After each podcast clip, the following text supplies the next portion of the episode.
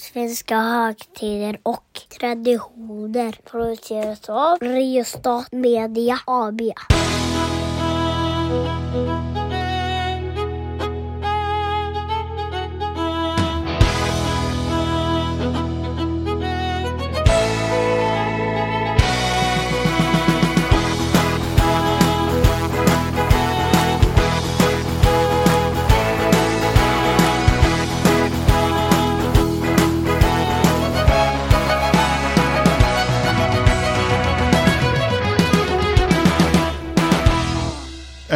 Blir många avsnitt eh, på rad här kan man säga. Nu har vi kommit till kanske den eh, högtid och den dag som jag nog aldrig ens har tänkt på att det är en högtid eller dag eller liknande. Det vill säga juldagen.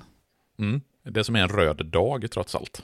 Jo, det, det, det, det är jag med på, men jag har aldrig funderat särskilt mycket över den, att den skulle vara Nej. speciell eller att det finns någon särskild tradition kopplad, utan det är lite så att man kommer till julafton och sen är det klart. Mm. Och sen Nej, får jag, man jag, vad- jag hör vad du säger. Jag hör vad du säger. Men eh, så välkomna till den här eh, podden om svenska högtider och traditioner. Med mig Mm. Daniel Karlenfors och med Mattias, traditionsexperten Axelsson. God jul på er allesammans. Och snart nytt år, men inte riktigt än. Nej, vi får vänta ytterligare någon vecka knappt tills att det är nyårsafton. Men då kommer vi givetvis med avsnitt om både nyårsafton och nyårsdagen, är planen i alla fall. Mm. Men jag får nästan börja som så här då, Mattias. Varför är juldagen ens en, en, en högtid, en, en tradition? Ja, men ska vi börja i den? Ska vi inte börja med de fem snabba som vi alltid börjar med? Eller vill du börja i frågan om varför det är en tradition? Ja, bra fråga. Nej, vi ska nog köra de fem snabba, det har du alldeles rätt i. Mm. Eh, är du redo? Ja, När infaller dagen? 25 december. Hur firar vi? Vi firar genom att vara lediga och smälta julmaten. Hur länge har vi firat? Sen 300-talet efter Kristus. Vem firar? De allra flesta svenskar. Äter vi något särskilt? Vi fortsätter att äta av julmaten ytterligare några dagar till. Okej. Mm. Eh, så bakfyllemat helt enkelt. Eh, det beror väl på hur mycket man har druckit på självaste julafton. det finns ju de som dricker ganska stora mängder, det har vi sett om inte annat i Tomten är far till alla barnen. Just det. Där dricks det ju både mycket brännvin, glögg och öl. Och jag är väl inte den som spottar i glaset på julafton heller, ska jag väl ärligt säga. Så att, jag kan nog vara lite bakfull en juldag som denna. Jag noterade också att eh, på frågan hur länge har vi firat så nämnde du ganska specifikt sedan 300-talet. Det har du inte Mm. riktigt gjort på de andra dagarna kring jul. Nej, men jag ville vara lite sådär sticka ut hakan eftersom Ah. tanken är att vi, det här, vi pratade ju igår mycket om det svenska julfirandet knutet till julafton. Just det. Det vill säga det vi äter på julafton, det vi tittar på på julafton, det vi gör på julafton i form av att dela ut julklappar. Och vi pratade ingenting alls om den kristna aspekten av julfirandet som ändå har en ganska central roll, det måste man ju säga. Mm. Trots att vi lever i ett av världens mest sekulariserade länder så kan man ju inte riktigt komma i runt den eh, julevangeliet och den kristna julberättelsen och eh, Jesus födelse och hela den biten. Så tanken är ju att vi lite grann i det här avsnittet ska prata just om eh, den delen Men- av men- eh, julen. Men är det inte lite så att vi helt enkelt inte kan eh, runda historieläraren Mattias Axelsson?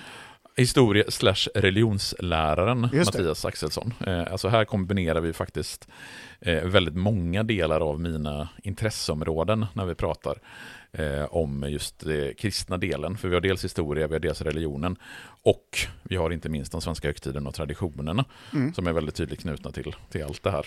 Men vi kör väl lite folkbildning på detta och kristendomen får man väl ändå hävda, där är ju centralfiguren Jesus. Så ska vi helt enkelt börja med honom? När föddes han och allt det där? Ja, nej, men jag tänker också att vi får börja i den delen. För att, alltså jag tror så här, att skulle man fråga folk i allmänhet idag, varför firar vi jul? Så tror jag att väldigt många skulle svara, ja men det är till minne av Jesu födelse. Sen så kanske inte så många gör det i praktiken, men många tänker sig att ja, men det är det som är ursprunget till julen. Det är därför vi firar jul, för att Jesus föddes den 25 december. Det skulle, jag, det skulle jag också säga. Mm. Men, men då ska vi dels så kommer, jag känner ju att det kommer bli 300 olika sidospår här, men du får försöka hålla mig liksom rätt i den här djungeln av olika trådar som jag känner att jag vill gå igång på. Jag ska göra Men- mitt bästa. Men ska vi liksom hitta där rötterna till det svenska julfirandet så är det väl egentligen två huvudsakliga äldre historiska rötter. Dels så har vi ju ett väldigt tydligt förkristet julfirande i Sverige. Alltså vi har ett julfirande som finns i Sverige innan kristendomen kommer i början på medeltiden. Och det vet vi Dels, eller framförallt ifrån ordet jul. Alltså ordet jul vet vi är äldre än vad kristendomen är. Eh, man vet inte exakt vad det betyder, men vi har belägg för att man har använt ordet jul på 700-talet, kanske till och med på 300-talet, där det är lite mer svajigt, men det är betydligt äldre än vad kristendomen är. Och att man då, när julen introduceras som högtid i Sverige, alltså den kristna julen introduceras, att man väljer att behålla det förkristna ordet, tyder ju på att julfirandet i Sverige hade en så pass stark ställning att man inte kunde plocka bort ordet och ersätta det med någonting annat, så som man har gjort i, i de engelskspråkiga länderna. det heter det ju Christmas, alltså Kristusmässa.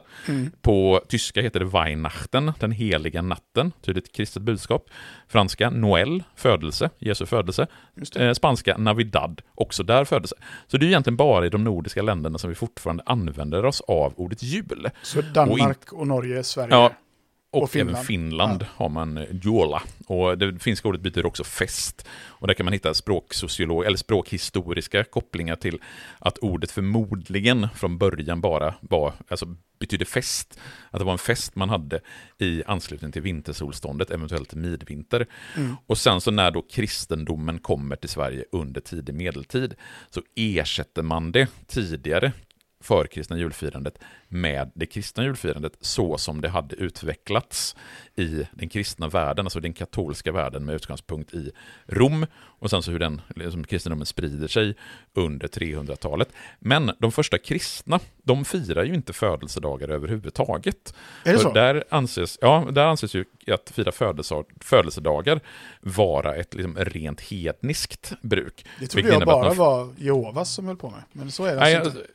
I de, de första eh, kristna, de firar inte jul överhuvudtaget, eller de firar inte födelsedagar, och därför så är det ju inte rimligt att, vi, att de firar Kristi födelse heller. Utan det kommer nå, alltså det är ganska snart på 300-talet som man börjar att fira även Jesu födelse. Och det man gör då i romarriket, det är ju att man ersätter den gamla romerska solfesten Sol Invictus, det vill säga den återuppståndna solens fest, som då firades vid vintersolståndet. För vad är det som händer vid vintersolståndet?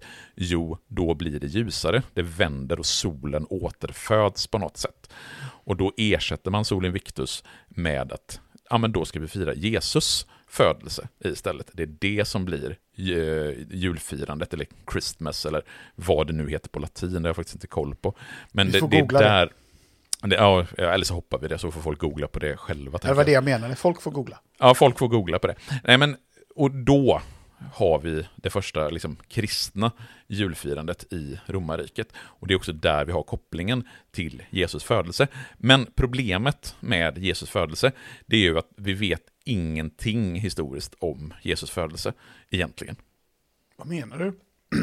Nej men så här, vi vet ju att Jesus har funnits Ja. som historisk gestalt med, liksom, med allra, allra största sannolikhet. Det finns väldigt få historiker som betvivlar att Jesus har funnits som en historisk person.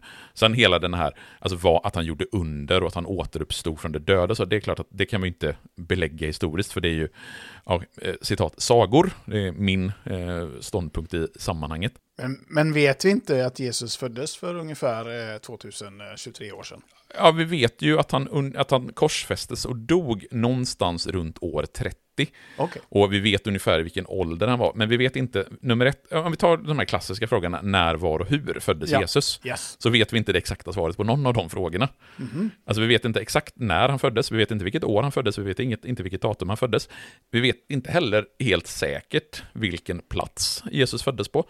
Och vi vet ju absolut inte hur han föddes, i och med att det finns i den här kristna julberättelsen att han födde, alltså jungfrufödseln och hela den biten. Och nog för att detta Eh. kanske blir ett sidospår då, men jag tycker ändå Mm. det är intressant. Alltså, när du säger att vi inte vet, eh, Mm. för det är ju ganska, för mig verkar det vara ganska tydligt om man tittar i Bibeln och sådär, så står det ju Mm. liksom. Eh, Ja. Vet vi inte då?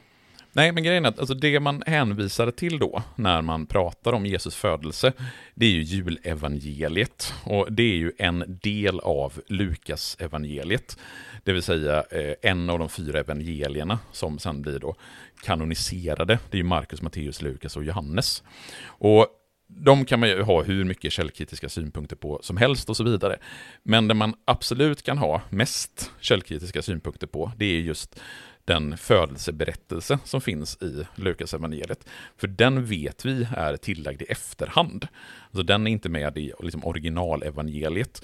Och de som eventuellt skulle kunna vara förstahandskällor till Jesus födelse, de finns ju inte med som be berättare i julevangeliet. Och om vi ska, liksom bara för att få folk att förstå vad det är vi pratar om, jag kan läsa julevangeliet. Det är inte jättelångt, det är bara åtta verser i eh, Lukasevangeliets andra kapitel. Kan inte det bli eh, jättelångt? Eh, åtta verser? Ja, jag har ingen nej, nej, varje vers är ju typ en mening. Ja. Jag, du kan ta tiden på mig, jag börjar nu. Vid den tiden utfärdade kejsar Augustus en förordning om att hela världen skulle skattskrivas. Det var den första skattskrivningen och den hölls när Quirinius var ståthållare i Syrien.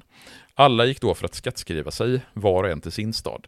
Och Josef, som genom sin härkomst hörde till Davids hus, begav sig från Nasaret i Galileen upp till Judeen till Davids stad Betlehem för att skattskriva sig tillsammans med sin trolovade som väntade barn.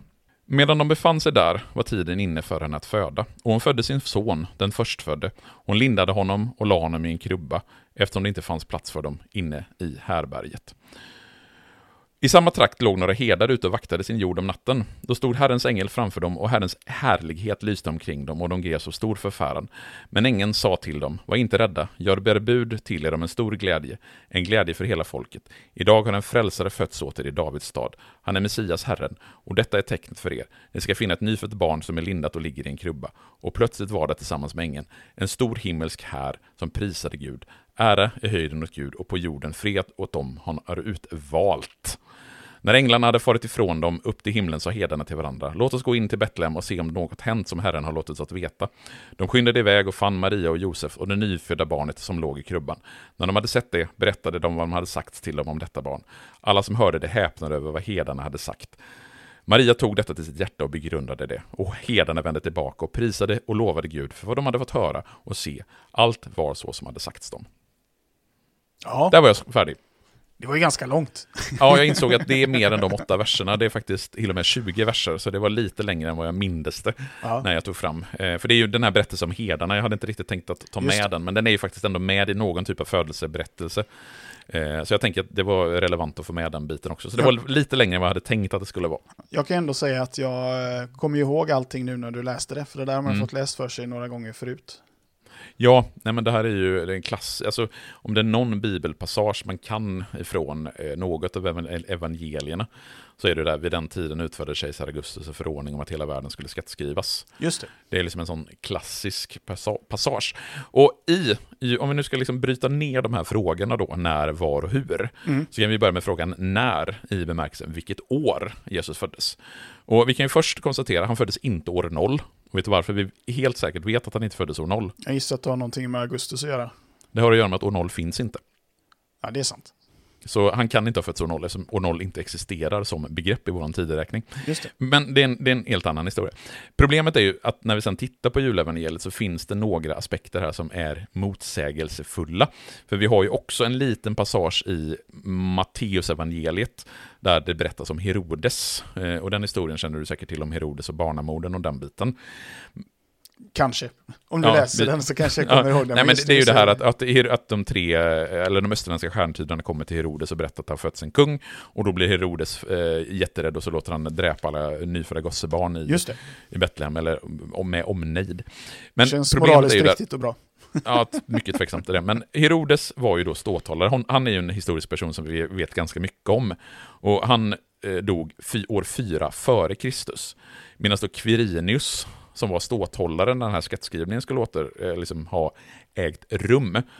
Han var då ståthållare år 6 efter Kristus. Så det finns ju liksom contradictions här i motsägelser i den här berättelsen. Eh, så vi vet helt enkelt inte exakt vilket år. De flesta historiker menar och tror att Jesus föddes någon gång mellan år 7 före Kristus och år 4 före Kristus. Men som sagt, vi kan inte veta det helt säkert överhuvudtaget. Förstår. Mm. Och sen så har vi den andra delen, vilket datum Jesus föddes. Och det kan vi ju veta ännu mindre om. För det finns ju egentligen ingenting i Lukas evangeliet som beskriver någonting om vilken tid på året som Jesus skulle ha fötts. Att, att han skulle ha fötts den 25 december, det är ju rent nys. Men var, För varför det- har vi landat i ett sånt datum då? Nej, men det har ju med det som jag sa tidigare, Sol Invictus, alltså den romerska solfesten, att man valde att ersätta den romerska solens födelse med den kristna gudens för, födelse, alltså Jesus födelse. Men betyder Eh, det då att Jesus egentligen kan vara född i juni? Han kan ha varit född när som helst på året. Förstår. Eh, det finns de som påstår att det här, den här passagen i samma nejd vore några, he, några herdar på marken som höll vakt om natten över sin jord. Mm. Att det skulle på något sätt eh, indikera att Jesus föddes någon gång på våren eller på hösten, eftersom herdarna då låg ute. Eh, att de inte låg ute på vintern för att det är för kallt att ligga Mm. ute, även om det är varmare på vintern i Palestinaområdet än vad det är här, så är det ändå så pass kallt att du inte är ute med dina jordar och på sommaren är det för varmt och att det då skulle vara på, på vintern eller på eh, hösten. Men alltså, det vet vi inte. Vi kan helt enkelt inte överhuvudtaget säga med säkerhet när Jesus föddes, var, vare sig vilket år han föddes eller vilket datum han föddes. Och, och i ärlighetens namn är det kanske inte superviktigt. Nej, eftersom den berättelsen om Jesus, vi ska ju liksom någonstans se den som en symbolisk berättelse och att julevangeliet överhuvudtaget finns med, eller att födelseberättelsen överhuvudtaget finns med i Lukasevangeliet, att det är ett senare tillägg, tyder ju på att när man formerar kristendomen som en religion tidigt, alltså när de första liksom, följarna till Jesus börjar ha idéer om det här, så är inte hans födelse centralt, det är ju hans död. Alltså hans eh, död på korset och hans återuppståndelse, det är det som är det centrala, inte var och hur han föds. Men om vi ska ta den andra frågan då, hur? Mm. Eller var, när, var, hur? Alltså var föds Jesus? Ja, så brukar ju den historiska berättelsen göra gällande att Jesus då föddes i Betlehem. För så står det i en passage som jag läste där att de begav sig från Nasaret i Galileen upp till Judeen till Davids stad Betlehem. Där, där står det ju uttryckligen i Bibeln, i Lukas evangeliet att Jesus föddes i Betlehem. Eh, det finns dock inga historiska belägg för att en sån här skattskrivning, för där, så som den här skattskrivningen beskrivs i julevangeliet, så måste ju det ha varit en jätteapparat. Att man skulle som skattskriva eh, hela världen, som i det här fallet då skulle vara hela romarriket. Romarriket är ju ett jätteimperium med tiden för Jesus födelse. mhm. Så att man skulle genomföra en sån här stor skattskrivning och att den inte skulle ha lämnat några som helst belägg i några romerska källor, det är ganska osannolikt. men har man Och- gjort skattskrivningar alls? I... Ja, skattskriv, skattskrivningar, alltså, skattskrivningar förekommer ju, absolut. Det vill säga att man vill veta vem som ska betala skatt till vem och hur. Men att man gör en skattskrivning för hela romarriket vid samma tidpunkt, mm, Mm. tveksamt. Och det skulle också, om, om, säg att vi då antar att folk, alltså att hela romarriket skulle skattskrivas, att man då skulle ha liksom som eh, uppdrag till alla, alla som liksom lever i det romerska riket, att de då skulle bege sig var och en till sin stad. Ja. säga att de på något sätt skulle, alla skulle resa hem till den stad som deras förfäder kom på. Alltså du kan ju tänka den, dig den administrativa apparat det skulle Mhm. innebära att alla de här romerska medborgarna, eller de som lever i romarriket, skulle resa kors och tvärs i romarriket under en begränsad period för att man skulle skattskriva sig. Det rimliga hade ju då varit att man skattskrev sig i den stad man bodde. Alltså Ja, där man var liksom bofast. Och Jesus kallas ju genomgående i övrigt i evangelierna för Jesus från Nasaret. Just det. Han sägs aldrig att han är Jesus från Betlehem, utan han kallas för Jesus från Nasaret. Och man kallas ju oftast för liksom, namn och från den plats där man är född eller uppvuxen. Mm. Så Jesus från Nasaret skulle då indikera att Jesus snarare då var född i Nasaret, för det var ju där han levde sitt liv. Så att han föddes i Betlehem, troligen en, någonting som man har lagt till senare. Och anledningen till att man vill koppla Jesus till Betlehem, det är ju för att David, alltså kung David från Gamla Testamentet, han var född i Betlehem och Betlehem var Davids stad. Och Jesus skulle ju då vara Guds son, den nya kungen som kommer. Och därför så gör man en koppling där geografiskt. David, Davids stad Betlehem, ja men då måste Jesus också födas i Betlehem. Så därför så gör vi Betlehem till födelsestaden för Jesus. Och det är därför vi har en födelsekyrka i Betlehem. Det är därför vi har hela den här idén om att Jesus föddes i Betlehem. Men eh, vi har ju det här sista då, hur? Det vill säga, hur föddes Jesus? Ja, alltså både du och jag är ju fäder och har varit med vid förlossningar, så vi vet ju hur Mm. förlossningar går till. Och det är inte, det är inte liksom det jag syftar på, hur Eh, Maria födde ut Jesus, om det var vaginalt, om det var med kejsarsnitt, eller liksom hur det gick till. Det kanske var Guds snitt. Ja, det skulle det kunna vara, men det som är det intressanta i sammanhanget är ju där om Jesus föddes av en jungfru. Eller Just inte. För det är ju ganska centralt i berättelsen om Jesus, att Maria var jungfru. Att det är en jungfrufödsel. Och det här är ju självklart ingenting som man kan ha någon historisk forskning om. Det här är ju en ren trosuppfattning, att folk liksom tror att Jesus föddes av en jungfru. Och det man kan göra möjligtvis är att man kan dra paralleller till andra historiska personer. För det finns ganska många föreställningar om historiska personer, att de har fötts enligt någon typ av jungfrufödsel. Alexander den store, som är en historisk person som har funnits och som vi vet ganska mycket om. Där fanns det en föreställning om att det var guden Zeus som hade befruktat eh, Alexander den stores mor.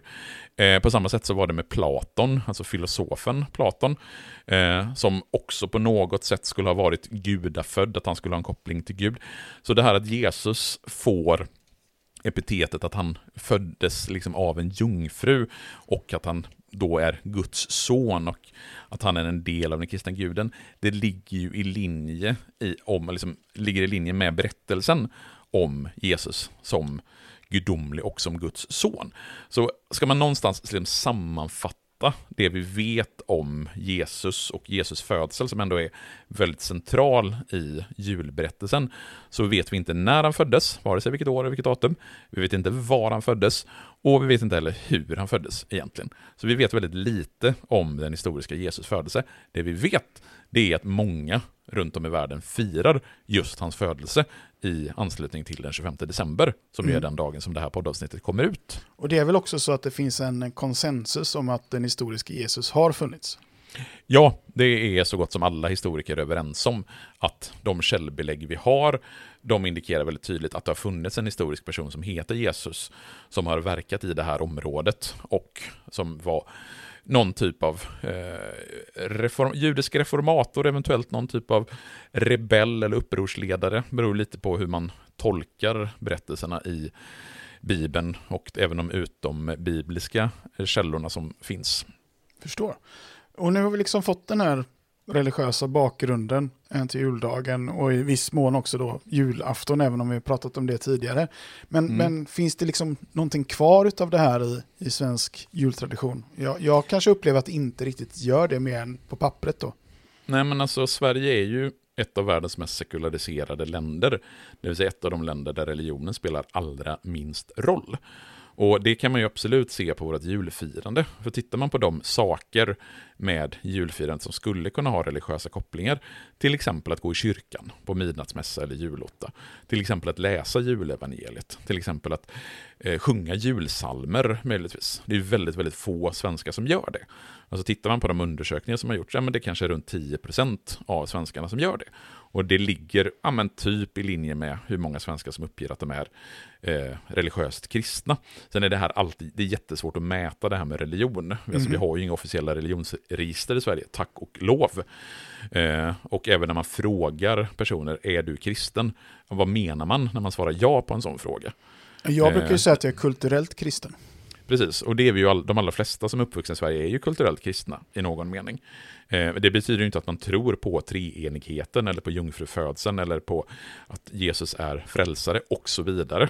Utan det handlar ju om att man är uppvuxen i en kristen kulturell kontext.